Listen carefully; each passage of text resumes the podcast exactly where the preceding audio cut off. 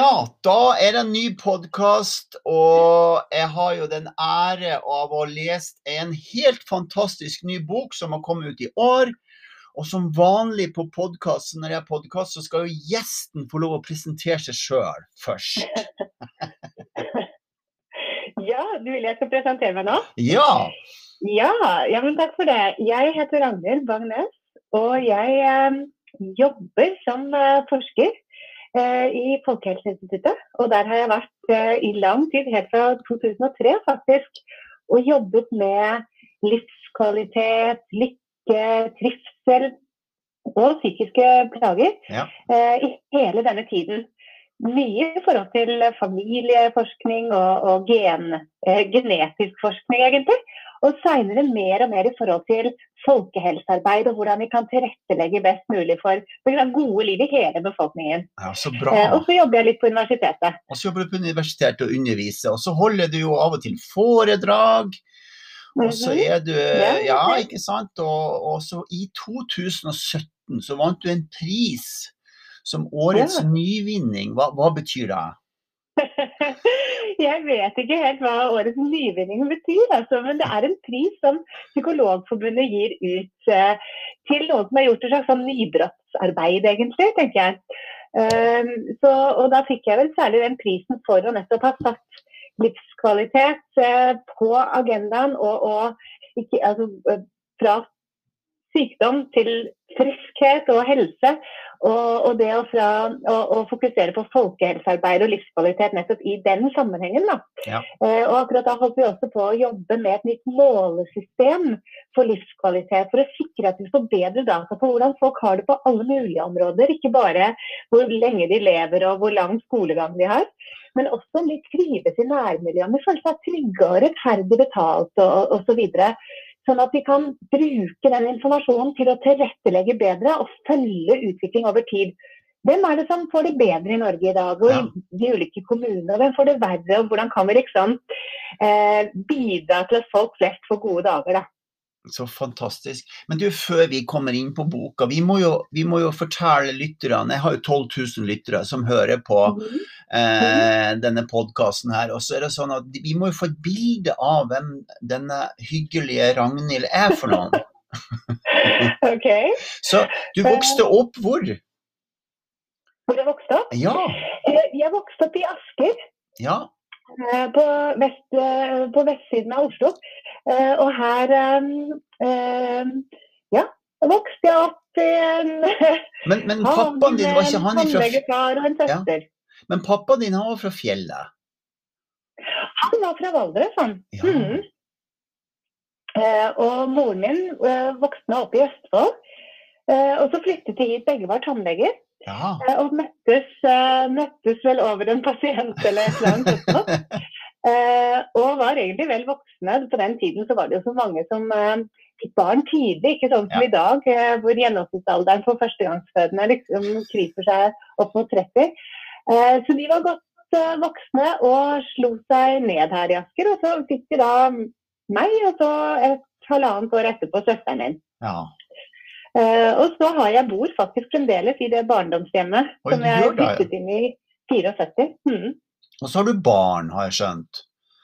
Ja, jeg har en datter og en sønn. Ja. Og så har jeg en hund, en cocker spaniel, som heter Mango. ja, men så bra. Um, så, men så tar du utdannelse um, mm.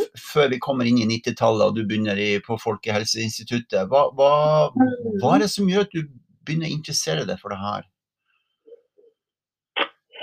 Ja, altså først, jeg, jeg tok litt ulike fag på universitetet. og Da jeg var ferdig med psykologistudiet, eller som heter profesjonsstudiet, hvor man blir psykolog, så begynte jeg først å jobbe som eh, noe som heter nevropsykolog på Rikshospitalet.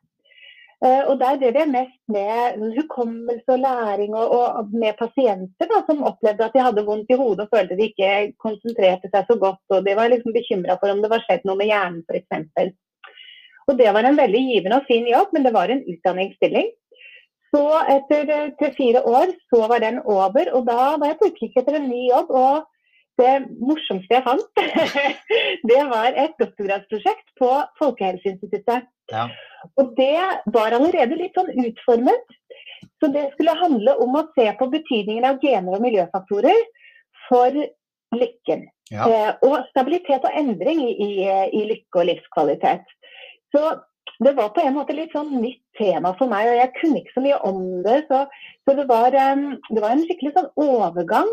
Um, men det ble jo bare mer og mer fascinerende, ikke sant. Ja, ja. Fra, fra liksom, problemer og, og, det å bevege seg mot ikke sant? hvordan vi fungerer eh, optimalt eller, eller, godt, eller det som styrker oss til livet, ikke sant, osv. Så, videre. så det var, det var en veldig givende, givende forandring, det. Altså, mm. men, eh, men det, det, var litt sånn jeg snublet over. så bra.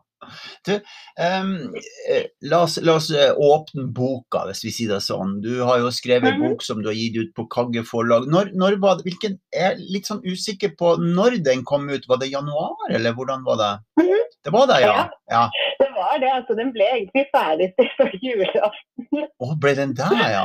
ja, den er det. Og så, og så kom den ut i bokhandelen i, i januar. Ja. Mm. Jeg leser en plass i boka di, Ragnhild, at du sier at eh, Du sier en plass i boka at um, ja, så er det det her med at jeg skal skrive ferdig en bok. Det er i begynnelsen av kapitlene. Så da, hvis jeg skjønner det riktig, så da sitter du og skriver boka når du, når du skriver det her? Ja, det er sant. Altså, jeg, jeg Uh, ble nok oppfordret til å skrive en bok for veldig lenge siden. Ja. Men samtidig, og, og, jeg liker å ta en utfordring, og jeg har vært veldig opptatt av å, å kunne omsette forskningsfunn som ofte er litt sånn vanskelig tilgjengelig, særlig i det feltet jeg har jobbet, til noe nyttig for ja. folk. Ja. Uh, så det er jeg interessert i, men jeg har jo de senere årene jobbet mest med folkehelse, så ikke så mye på enkeltindividet, men hvordan vi kan bygge parker eller jobbe med skattesystem eller hva enn det måtte være, lovene ja. for, å, for, å, bidra til gode liv. Eh, men så, og så har det vært en, på en måte, periode eh, som har vært så hektisk i forhold til at, at uh, dette feltet har blitt så sentralt innenfor mm. hele folkehelsearbeidet og helsepolitikken, egentlig. Så det har tatt eh, Det var liksom først i høst at jeg kom i gang. Ja. Og da vet jeg at noen hadde syntes det var på overtid. Så det var, jeg husker jeg skrev den setningen til redaktøren. Ja. Så det var på en måte som en liten sånn spøk. Ja.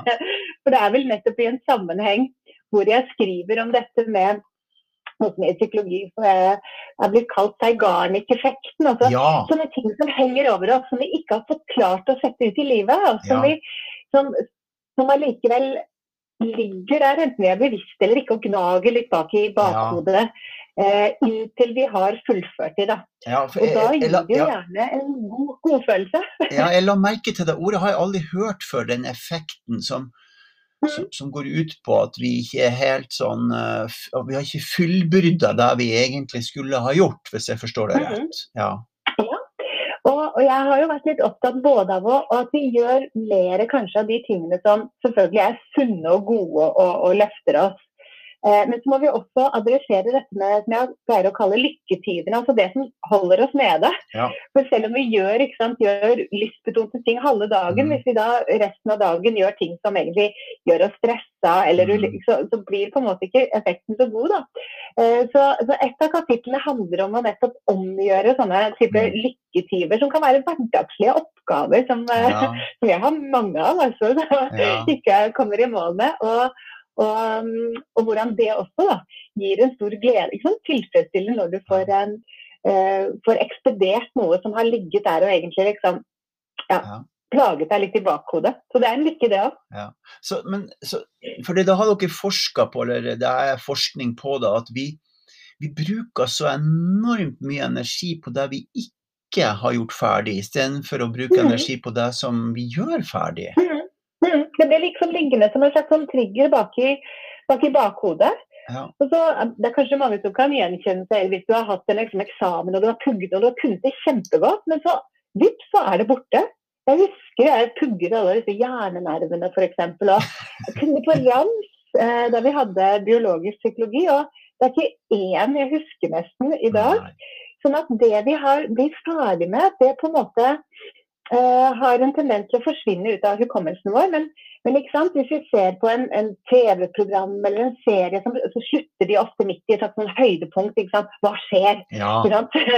Overlever han eller ikke? Eller, ikke og så vinner han prinsessen, eller Sånne, sånne type episoder som gjør at vi liksom blir gående og tenke på det og returnere til, til serien eller filmen ja. eller boka, hvis det er det. Ja.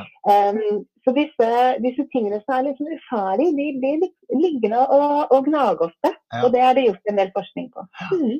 Um, og så, og så um, sier du noe annet som jeg også Jeg har jo mange ting som jeg, som jeg har uh, tenkt på når jeg har lest boka, og det er det her med lykke og feighet går ikke sammen. Altså hvis vi Ja, altså i, særlig i eh, Jeg har jobbet en del med filosofer de siste årene, og ja. vi har blitt litt sånn opptatt av å, og, å, se tilbake på mange av disse antikke filosofene og hvordan de forholdt seg til lykke. og de tenkte på en måte veldig annerledes enn det vi gjør i dag. Etter hvert så tror jeg at jeg og kollegaene mine har blitt sluset litt inn i deres tankesett. Okay.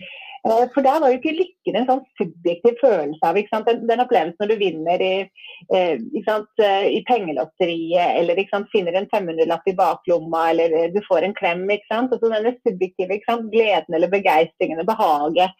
Um, det var en mye mer sånn helhetlig og sammensatt uh, uh, sak. Og, og en ting som var i hvert fall veldig, veldig tydelig, var at lykkelærd og av det var plassert innenfor etikken. Ja. Uh, så du kunne liksom ikke være lykkelig altså by, uh, by, definition, på en måte. Hvis du var et, uh, et svin, eller, ja. eller uhederlig, eller ja. opptatt av urettferdig, eller, eller feigt, så, så, kunne du ikke være lykkelig. Mm. lykken kunne på en måte liksom vurderes utenfra. Altså hvis noen oppførte seg uetisk og slemt, eller, uh, så, så, var han ikke lykkelig. Mm. mm. Men, men, dere vet mer i dag om disse forskjellige grå massene i, i, hodet. Altså når vi er lykkelige, så har vi mer av noen ting, og når vi er mindre lykkelige, så har vi mindre av det. Kan, kan mm. si? Ja, det vet man en del mer om, men i hvert fall i antikken. Ja. Eh. Men, men, men hva, hva, gjør du for noen ting for å finne ut av om, no, om, om lykke? Det er det jeg lurer på. Altså, hva er instrumentene dere bruker for å finne det ut? Oi, ja det, det, vil nok variere litt, men jeg tror nok de aller fleste har studert lykken med å spørre folk om forskjellige følelser og opplevelser. Eh, så veldig mye er basert på intervjuer eller spørreskjema. Eh, så kan det også være at man eh, samtidig som folk eh, Det kan være eksperimenter, ikke sant? hvor du setter personer til å gjøre forskjellige aktiviteter. og så spør du det etterpå, Men samtidig kan du også se på aktivitet i belønningssenter i hjernen f.eks. Eller blodgjennomstrømning i, i, deler av hjernen. Mm. Så kan man også gjøre slike ting som å spørre andre om hvordan personen har det. Men man kan også eh, registrere f.eks. smil. Ja. Eh, sånn at det er, det er, litt ulike måter, men det aller vanligste er jo, og som er inkludert i de fleste typer eh, studier, er at man også spør folk om hvordan vi opplever, opplever ting. Da. Ja. Mm. Men hva er det som gjør det lykkeligst? Meg? Ja. Ja, det er, altså det er jo det at det er mange ting. Ja. Um, hvis jeg skal i hvert fall forholde meg til, til liksom ganske sånn moderne forståelse av lykken, da, noe av det som har vært min sånn eh, eh, Noe jeg har vært veldig opptatt av i denne boka, er jo dette med For det første så varierer lykkekildene på tvers av oss. Ja. Eh, det er ikke nødvendigvis akkurat den samme måten vi finner lykke, så det finnes ingen lykkekur for alle enn deg. Men så er jeg veldig opptatt av at vi skal spenne opp hele lykkelerretet og se på lykken som ganske mange ulike typer opplevelser. Da. Ikke bare på en måte behag eller nytelsen, men, men også dette med å kjenne på mange av disse vekstopplevelsene, f.eks. Dette her med å oppleve interesse eller nysgjerrighet eller utvikling. og det er mm. ikke alltid så Noen ganger kan det være direkte ubehagelig. Ja, ja. Eh, men det gir lykke i et annet tidsperspektiv, kanskje. Eller en annen form for lykke, da, når du endelig kommer på toppen av, av fjellet eller et eller annet sånt. Og det har vært litt sånn hardt, og det har vært tøft. Ja, ja, ja. Sånn, og veien kan være inspirerende opp der. Så, eh, så, derfor så blir svaret sikkert litt avhengig av hvilken lykke jeg tenker på. Jeg finner mye altså Det er klart at eh, det, det å, å, gjøre hyggelige og gode ting med og for andre ja. Den lykken er, er, på en måte relasjonell, på sett og vis. Altså, det er jo noe med med gode relasjoner, det å gjøre hyggelige ting, enten det er med barn eller slå av en prat ja. med noen som sitter i kassa eller står og venter på bussen og sånt noe. Uh, så, så, jeg finner nok uh, mye glede i, i, kontakt med andre. Ja. Uh, og også det med å bidra, altså. Ja, være del av et fellesskap, eller være med på um, ja, det kan jo faktisk være med på en dugnad, det kan være litt kjedelig. Men det, å være, det å bidra, eh, det gir meg ganske mye. Ja. Og så er det jo dette med fysisk aktivitet, f.eks. Ja, ja, ja. Jeg er utrolig glad i å spille tennis. For jeg er ikke så god. Jeg begynte med det som vel voksen. Men det er ingenting som løfter meg raskere, tror jeg, enn det. Ah, ja. ja Når du det, får bevege deg og være i bevegelse og Ja. Ja. ja.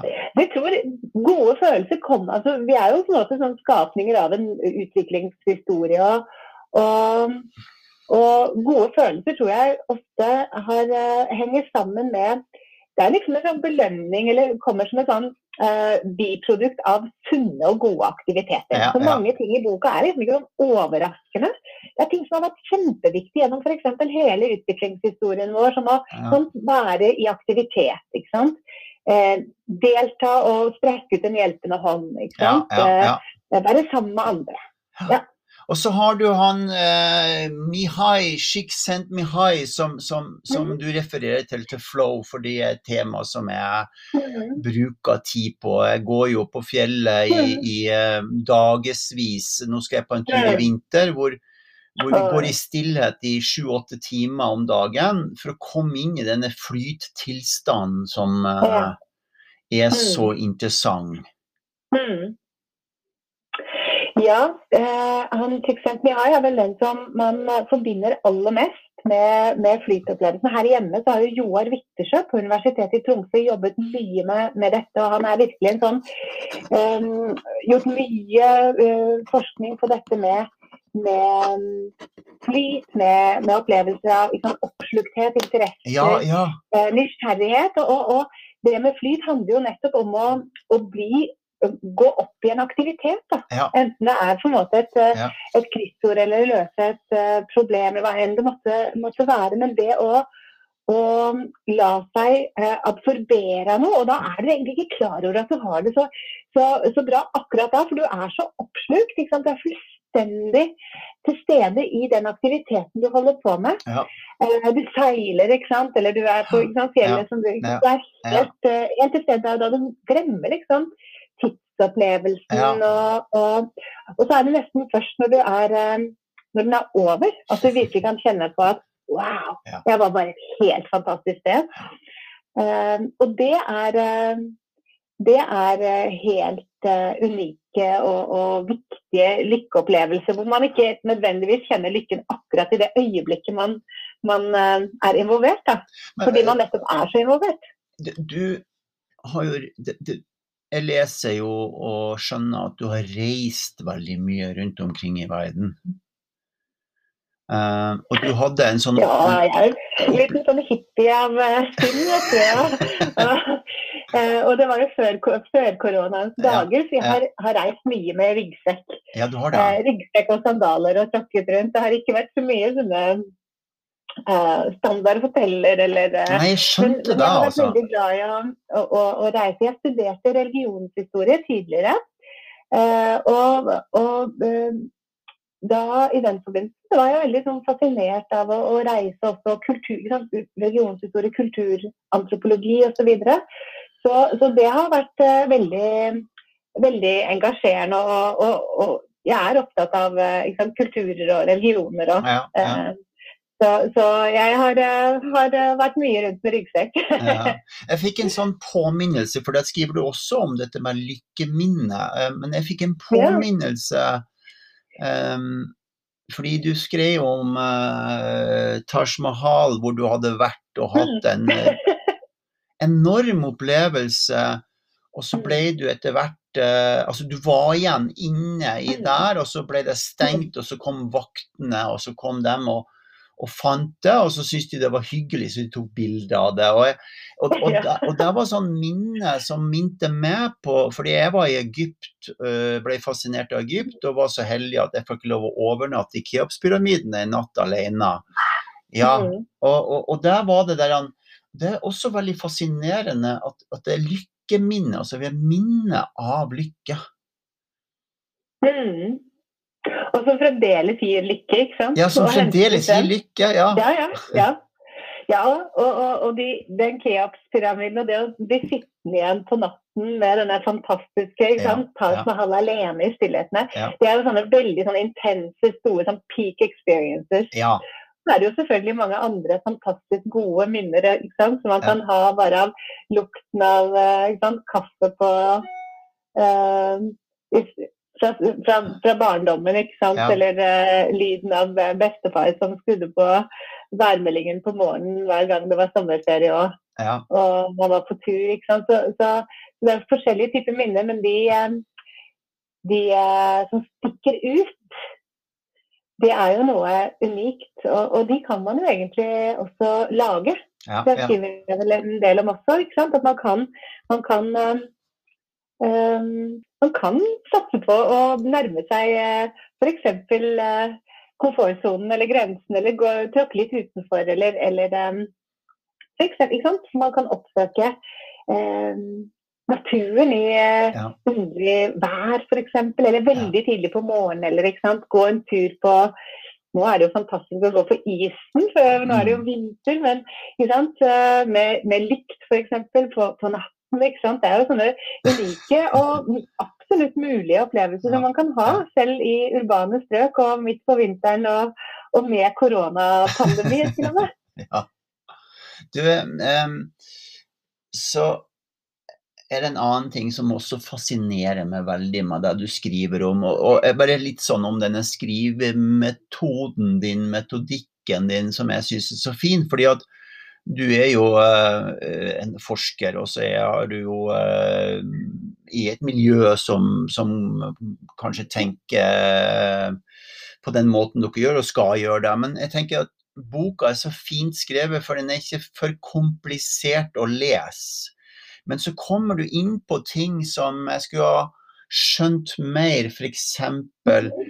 Eh, hvorfor ser vi ikke ting sånn som de er, egentlig? Hvorfor? Ja.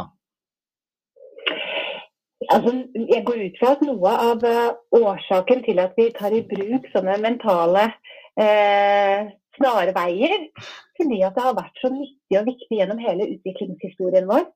Eh, han godeste Daniel Kahneman har jo skrevet denne boken 'Thinking Fast and Slow'. og I de fleste situasjoner så, så trenger man ikke nødvendigvis å koble på dette mer sånn avanserte eh, resonneringssystemet vårt. ikke sant? Da er, og da er det gunstig at vi, at vi hjernen vår opererer på en måte effektivt og raskt. Og at vi f.eks. tar i bruk eh, stereotypier som vi faktisk ja. gjør. Eh, eller eller bruker oss av sånne heuristikker. At vi ikke ser verden helt som vi gjør. Og noen ganger kan det være å opprettholde et selvbilde også. ikke sant? Eller, uh, og vi, vi, preges jo av de erfaringene vi gjør oss, og det former også hvordan vi ser det vi har foran oss i dag. Ja. Han har jo gjort en del studier f.eks. av sånn øyevitner og sånt i, i, ulykker eller spesielle situasjoner. Og, og det er ikke nødvendigvis de aller eh, altså pålitelige. Så, så det, er, det, er, utrolig fascinerende. Altså.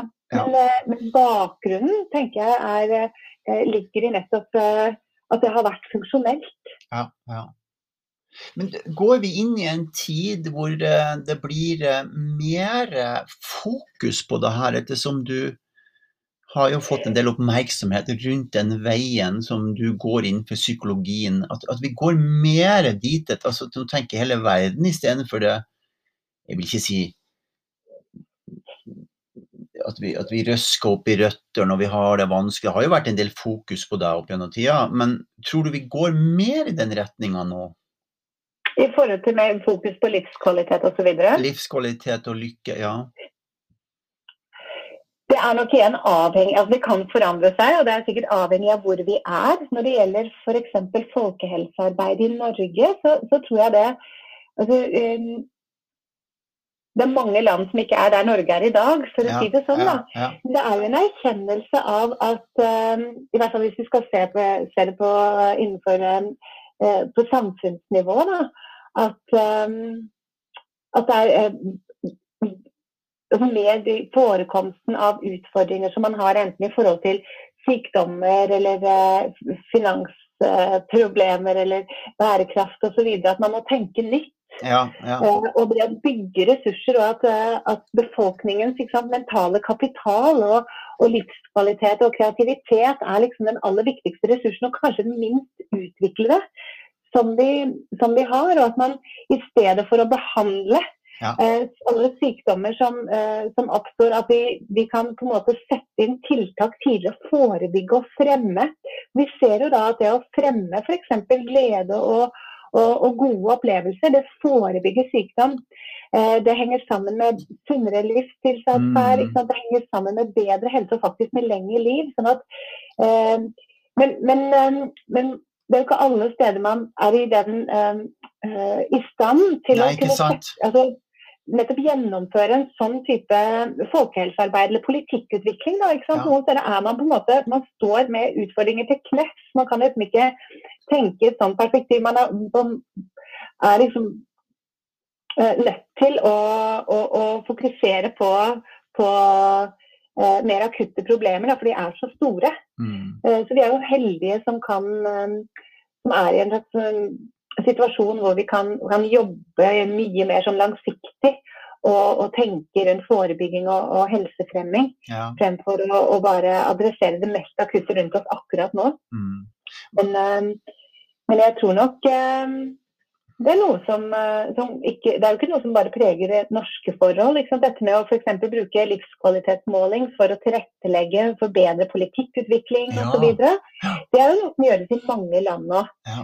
Det, og det var jo egentlig bakgrunnen også for at vi, vi startet med dette i Norge pga. utviklingen eh, internasjonalt. Særlig mm. etter, etter Stiglitz-kommisjonen, kanskje. I, i, på 2009, eh, var det Ja, Ja, eh, hvor man på en måte eh, konkluderte med at Eh, det er viktig å endre vektleggingen i offentlig statistikk fra ja. produksjon til menneskelig vel velstand. Ja. At vi trenger liksom supplerende mål da, ja. på samfunnsutvikling. Og, og, og, og, vi går over til en mye mer sånn, en slags sånn relasjonell velferd. Vi tenker helt annerledes med samskapene. folka i, i nærmiljøet. Altså, som er um, ja, det, det, er veien å gå. Men, eh, men du, hva, hva, hva, tenker du om den nå har det jo vært pandemi, og du skrev jo ei bok under pandemien, og du ble ferdig på julaften, sa du. Og, eh, vi må ta deg først. Hvordan var det på julaften når du ble ferdig? Ja, det var veldig ålreit. Altså. Det er jo noe med å komme i mål med ting du har satt deg fore. Så, og det, det, var på tide å senke skuldrene og, og, og, få julematen på bordet og, og hygge seg med, med ungene og sånn. Altså. Det var det. Så, så, og det er jo en veldig rik kilde til sant, eh, lykke og glede, det å komme i mål når ja. man uh, sant, har vært en, en, lang reise. Det har jo vært, uh, det har vært veldig spennende og, og, i og for seg del, altså, tidkrevende på ett vis med, med, bokskriving. Men det har jo vært så Jeg jobber jo i Folkehelseinstituttet, og det har vært en pandemi, så det har vært nok å gjøre så, ja, ja. Eh, dette året. Så, så, det å komme i mål da, det mm. var veldig bra. Ja, veldig hyggelig å høre. Og, og, det andre som jeg spurte om, det er liksom, hva er, hva, hvordan påvirker pandemien oss sånn lykkemessig, tenker du, i Norge? Mm det vet vi etter hvert en del om. Eh, noen eh, utvalg har vi fulgt over tid fra før pandemien ja. og til nå. Den seneste målingen som jeg var involvert i, var i begynnelsen av desember. Og så har vi jo andre uh, undersøkelser sånn har, som er gjennomført på litt andre tidspunkt og i andre befolkningsgrupper eller fylker osv. Så, videre. ja. så vi har en god del informasjon om det. Og det vi vet er jo at, um, er at vi har vi har klart oss ganske godt. Vi har det. Og, og særlig i sommer så, så, viste våre undersøkelser at, og faktisk så seint som i oktober egentlig, at uh, det var liten nedgang i livstilfredshet. Akkurat rundt nedstengningen så var Hold den litt, Ragnhild, for nå har vi snakka en halvtime, og da er det en sånn liten kort pause. Så kommer vi tilbake. Kjære alle sammen, dette her er så spennende å høre på. Da er vi tilbake etter en liten kort pause.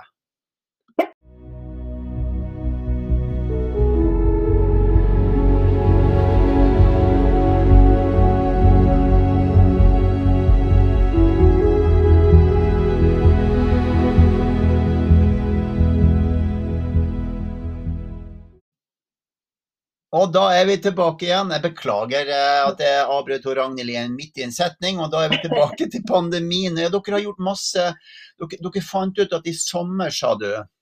Ja, altså, da, da, så vi at, uh, at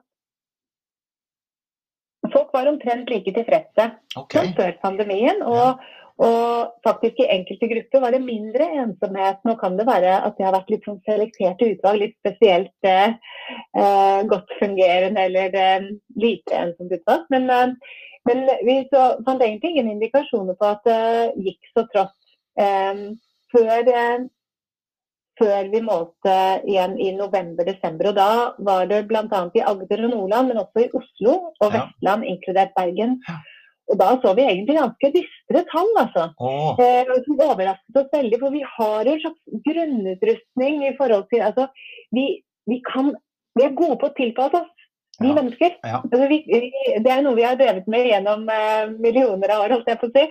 Eh, så, eh, men eh, men eh, tallene da var like stygge, egentlig, som det de var akkurat under nedstengningen. Og folk nok var ekstremt bekymra. I mars vi visste ingenting. Vi visste ikke liksom, hva fremtiden var, hvem som skulle beholde jobber, liksom, hvordan vi ville liksom, takle dette her. Uh, uh, men i november-desember så var det like mange som hadde uh, angst- og depresjonssymptomer. Ensomheten var betydelig høyere, og livskvaliteten dårligere. I 2019 så skrev vi en rapport basert på 80 000 personer. Og så vi at andelen som opplever å ha dårlig livskvalitet i Norge, det er rundt 16% Det er faktisk 700 000 mennesker omtrent, ja, så det er ganske mye. mange. Ja. Andelen nå i eh, desember var vel på 24-25% så én av fire.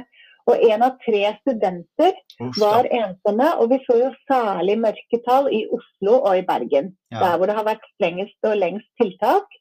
Og ikke minst i bydeler hvor det er mange som bor alene. ikke sant? Sånn, eh, på Grünerløkka midt i Oslo hvor, eh, hvor, det er mange som er aleneboere.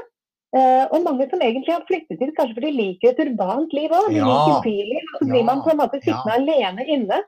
Så man, man er liksom maks sårbar. ikke sant?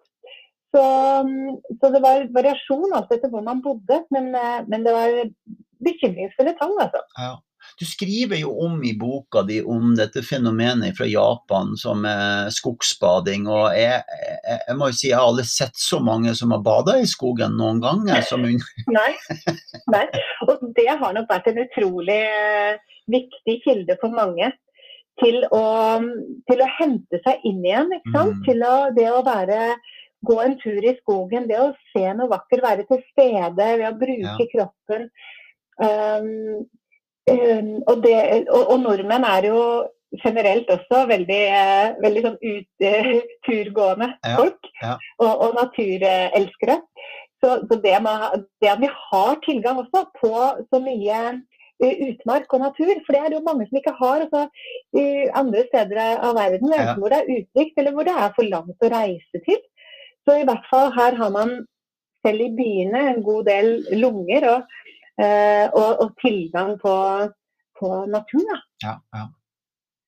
Fantastisk. For det, er jo, det, det er jo gjort, og det skriver jeg vel en del i boken også, med mye studier av bare det å eh, Særlig selvfølgelig å være aktiv i naturen, og være til stede i den. Ja. Eh, men også bare det å eksponeres for det grønne. Ja. Eh, eh, har gjort mye studier av.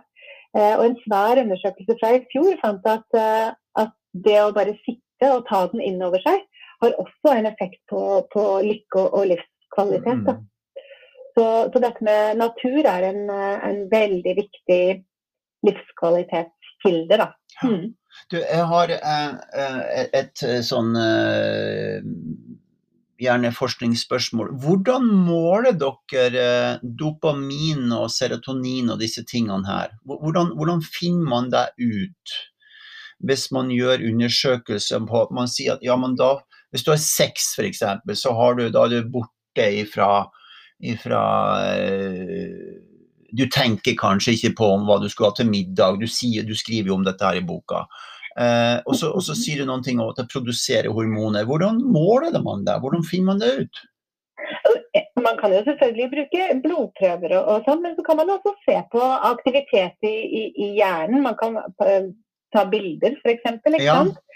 Uh, så det finnes jo en lang rekke sånne avanserte uh, både billeddiagnostikk og, og andre typer medisinske prøver som man kan ta. Ja. Så da så man finner det ut. Hmm. Mm. Um, jeg, jeg bada jo, uh, jeg har gjort det i mange mange år, så jeg bada nesten ja, jeg vil si uh, nesten hver dag da, hele året rundt. Og oh. ja, det, ja, det er wow. Ja, ja, ja, jeg har bestemt meg for å prøve, jeg òg. Ja, og, ja, og, hvis, og hvis det går for mange dager, ja. så skjer det noen ting. Jeg blir ikke deprimert, men, men det er, noe som, det er noe som mangler i livet mitt. Sier du det? Ja. ja jeg er det... veldig nysgjerrig på å prøve, men jeg er så utrolig lite test med kulde. Ja. Så jeg, jeg, har, jeg, har, nå, jeg jobber med saken. Jeg skjønner at det er liksom eh, Jeg prøver å liksom lage en sånn strategi for hvordan jeg skal liksom gjennomføre ja. dette. Men det er som en slags kickstart på hele systemet som på en måte hva, hva, Ja, altså, ja, altså det, det, som skjer er jo at um, um, eller det som skjedde med meg, var at jeg fant en mann på 70 år i en bekk oppå åsen i skogen eh, for ti år siden. Og jeg lurte på hva i all verden gjør du her? Og så, og så kom jo han opp på bekken, ikke sant? og det røyk av han. og og, og, jeg sto der med forundrende øyne, og han sto der eh, kliss naken og forklarte meg hvor fint han hadde det i bærføtten i ti kuldegrader ute i snøen. Jeg tenkte hva i all verden? Og og så, og så Det som skjedde, var at jeg dro da etterpå på vinteren og skulle prøve, men det gikk ikke. Mm. Så jeg måtte vente til sommeren. Og så begynte jeg gradvis. Ok, ja. Så, så jeg anbefaler da, eh, mm, etter å ha holdt på med det i mange år og Jeg har jo vært intervjua om det og vært inne i magasin og ute i magasin om denne badinga jeg holder på med. Og, mm-hmm. og jeg sier til alle Unnskyld. Jeg sier til alle at begynn forsiktig. Um, og ikke gjør det alene.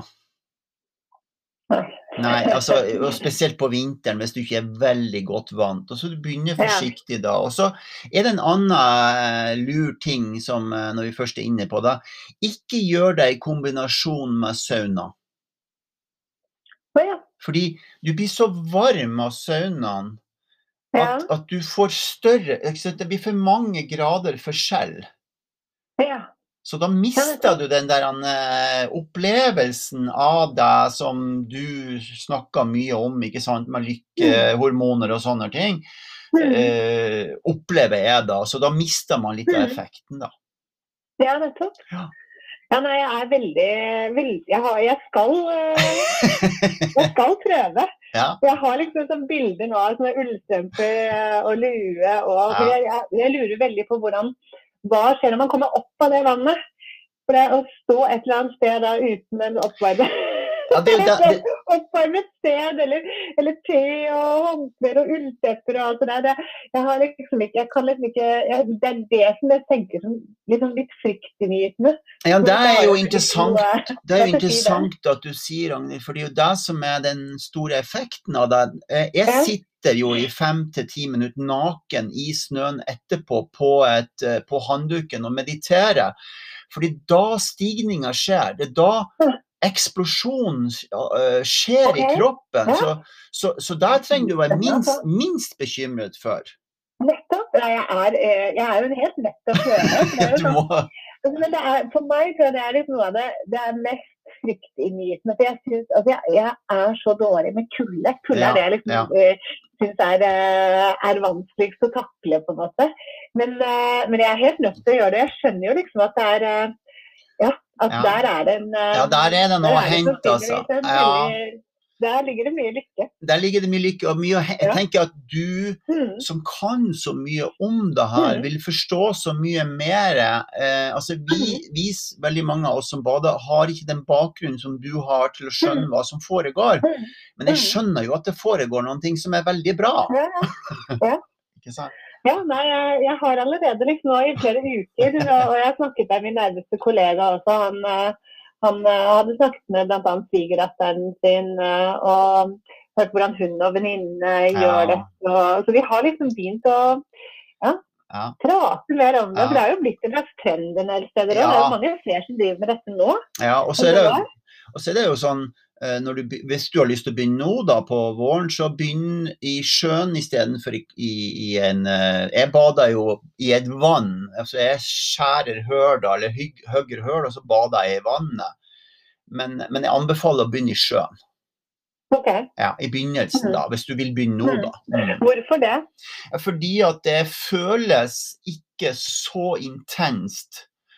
Eh, og nederlenderne er jo eksperter på det her, de har jo holdt på med det i alle, alle år. Og det, det kaldeste du opplever, det er rett før vannet fryser til is på høsten. Fordi da er, tett, da er tettheten i vannet mindre, og da opplever du det kaldere. Mens når det er blitt frossent og jeg står ute og går i vannet og er vant med det, så føles det mindre kaldt. Mens i saltvannet har mer eh, eh, altså det, har, det er ikke så stor tetthet da i saltvannet, så det oppleves bedre. Ok. Si, ja, ja. Så det er jo det er masse Det er jo masse, det er jo blitt, det er jo som du sier, det er jo blitt en trend, da. Så det er masse skriverier rundt det. Ja, ja, ja. Ja. Men du, tilbake til boka di, for det, det er det som eh, jeg, jeg, har et, jeg har et til eh, spørsmål som går på dette her med matchmaking. ja. Mm. Kan du si noen ting rundt det? Jeg syns også det er sånt kul, det er nye ord, det er spennende ting. Ja, altså det Når jeg skriver om det i, i boka, så, så eh, beskriver jeg egentlig sånn slags modell som jeg og kollegaene mine med, med laget også. Og det er jo noe med at vi mennesker er forskjellige. Ja. Det har forskjellige veier til lykke. Vi lever med ulike betingelser og levekår og i ulike familier. Og vi har ulik liksom, personlighet og talenter og interesser og, og alder osv. Så, videre. Eh, så det er noe med å finne en slags sånn god match Ja. Mellom det en brenner for, de verdiene og interessene en har, det som gir meg lykke, eller deg lykke, ikke sant? Ja. glede eller begeistring, eller ikke sant. Um, og gjøre mer av det. Uh, og, uh, og samtidig så, så er vi jo opptatt av det å, å, å gjøre mindre av det som stjeler glede, ikke sant? Eller Ja. som gir stress. ja. Så finne en god match, men ikke bare i forhold til um, uh, det, uh, å se innover, ikke sant? mine verdier eller eh, interesser, Ja. men også i forhold til miljøet. Sånn, så er det, er det som hvordan, hvordan kan jeg tilrettelegge i omgivelsene Ja. for at jeg skal f.eks. få tid til å spille mer tennis? ja. Jeg må kanskje finne noen å spille med. ikke sant? Jeg må, jeg må rett og slett legge bort andre typer ting, for døgnet har bare 24 timer. Eh, men jeg vet at det gir meg glede, så jeg må finne måter å, å gjøre mer av det på. Mm. Altså, eh, og så, mm, så det er noe med å da prøve å være litt sånn forsker i eget liv, og Ja. både eh, se innover og utover hvordan man kan tilrettelegge Ja, for, eh, for å få til mer av det som eh, gir en selv mening og, og glede, da. ja. Mm. Men hvordan gjør du da, Ragnhild? Sånn, du Eller jeg- vet at du, at du noterer ting, og, og at du har en plan. Jeg, jeg, jeg skjønner det. Men du lever eh, det livet du lever, du, du uh, gjør mye. Du virker som du er glad og lykkelig. Og, men hvordan, hvordan, hvordan, hvordan gjør du dagen? Nei, det, det blir veldig vanskelig. For at jeg, svarer på akkurat nå for tiden, så nå har vi jo vært midt oppi sånn forskningssøknader og sånn. Det er jo sånn årlig frist i dette landet. Så da gjør jeg, altså da går dagene De er egentlig jernhard disiplin ofte. Ja. Eh, Men eh, hvordan, altså, jeg vet ikke hvordan jeg gjør eh, dagen. Jeg, jeg prøver i hvert fall å få um, få til å, å, legge inn noe hyggelig ja. uh, i alle dager. Så selv når det er på det aller travleste, så er jeg Jeg ville ikke fungert hvis jeg ikke, ikke sant, hadde rasket med meg noen blomster, enten i butikken eller i hagen, og pyntet litt omkring meg. ikke sant, og, og jeg er nok eh, litt sånn opptatt av å, å, gjøre det hyggelig rundt meg. Ja. Det kan være alt fra sånn røkelse eller, eller, eller belysninger, ikke minst musikk. ikke sant? Ja, ja. Så, så, men jeg prøver jo å få til å um, Dette med trening gir meg mye. Altså det å være fysisk aktiv, enten det er liksom å gå en tur i, uh, i, snøen, eller det er å gå på en sykkeltime eller et eller annet. Nå fikk jeg beskjed i går kveld om at jeg er i, satt i karantene, faktisk. Oh. Ja, jeg, med mistanke om sånn mutantsmitte. Oh, ja. Så jeg var ganske ulykkelig i uh, går kveld, fordi at nå har endelig det lokale treningssenteret uh, åpna. Ja.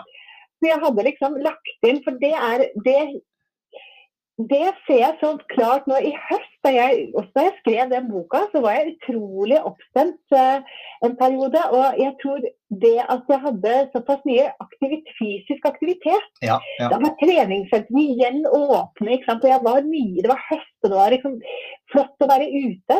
Og så ble det liksom regnvær hele november, og alt var stengt. Så det, akkurat det med å legge inn uh, enten det er eh, en rusletur eller eh, en, eh, en, helt annen type aktivitet, det er noe som jeg tenker er veldig viktig i mitt liv. Da. Ja, ja. Så fantastisk. Det, um, dette har jo vært helt utrolig spennende og en meget eh, håper alle, eller jeg vet jo da at lytterne hører deg jo i, på stemmen din at du er engasjert, lykkelig, glad og Høres ut som Ikke alltid, da. Ikke alltid.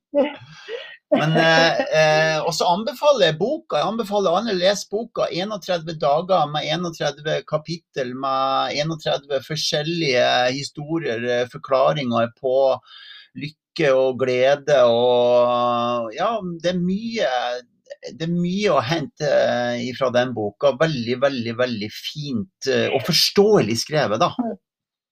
Mye konkret i hvert fall, og, og mye som er liksom basert på, på, forskning. Men jeg er litt sånn opptatt av at det å, å, gjøre ting i livet sitt kan ta tid. Ja. Så 31 dager kan gjerne være 32 uh, ja. uker. Ja. Og, og, det å uh, Jeg selv har, uh, har noen ganger brukt sånne apper. Og, iblant har jeg også vært med på sånn testing av apper sånn, for Helsedirektoratet osv. Og, så og jeg men plutselig så får man en eller annen beskjed over telefonen at 'gå på biblioteket', en interessant bok. Liksom. Så sitter jeg Det passer overhodet ikke den dagen. Det blir nesten irriterende. Ja. Det, å, det, å, eh, det, skal ikke være på en måte en, um, en uh, ubehagelig maraton. Og den kan også den kan leses baklengs eller fremlengs. Og man kan mm. velge en tekst som egentlig passer i forhold til hva man har lyst til å lese den dagen. Ja. Um, så, og det jeg tenker det kan være nyttig og fint å bruke den sånn også. Ja, eh, det er en bok som man kan komme tilbake til og lese, og lese mange mm. ganger, og som du sier, gå frem og tilbake til. Eller mm. frem og tilbake i kapitlene. Ja. ja for de er så forskjellige. Mm. De henger jo sammen, men de er veldig forskjellige, så de gir eh, forskjellige perspektiv. Ja. Så bra. Um, dette her var fantastisk. Tusen millioner takk for at du hadde tid dager, dag, Ragnhild, til å gjøre denne fine, nydelige podkasten. Um, det var veldig hyggelig å bli invitert. Så sier vi eh, takk til deg, og så sier vi tusen takk til alle sammen som hører på. Og så um, stopper vi, så stopper jeg der.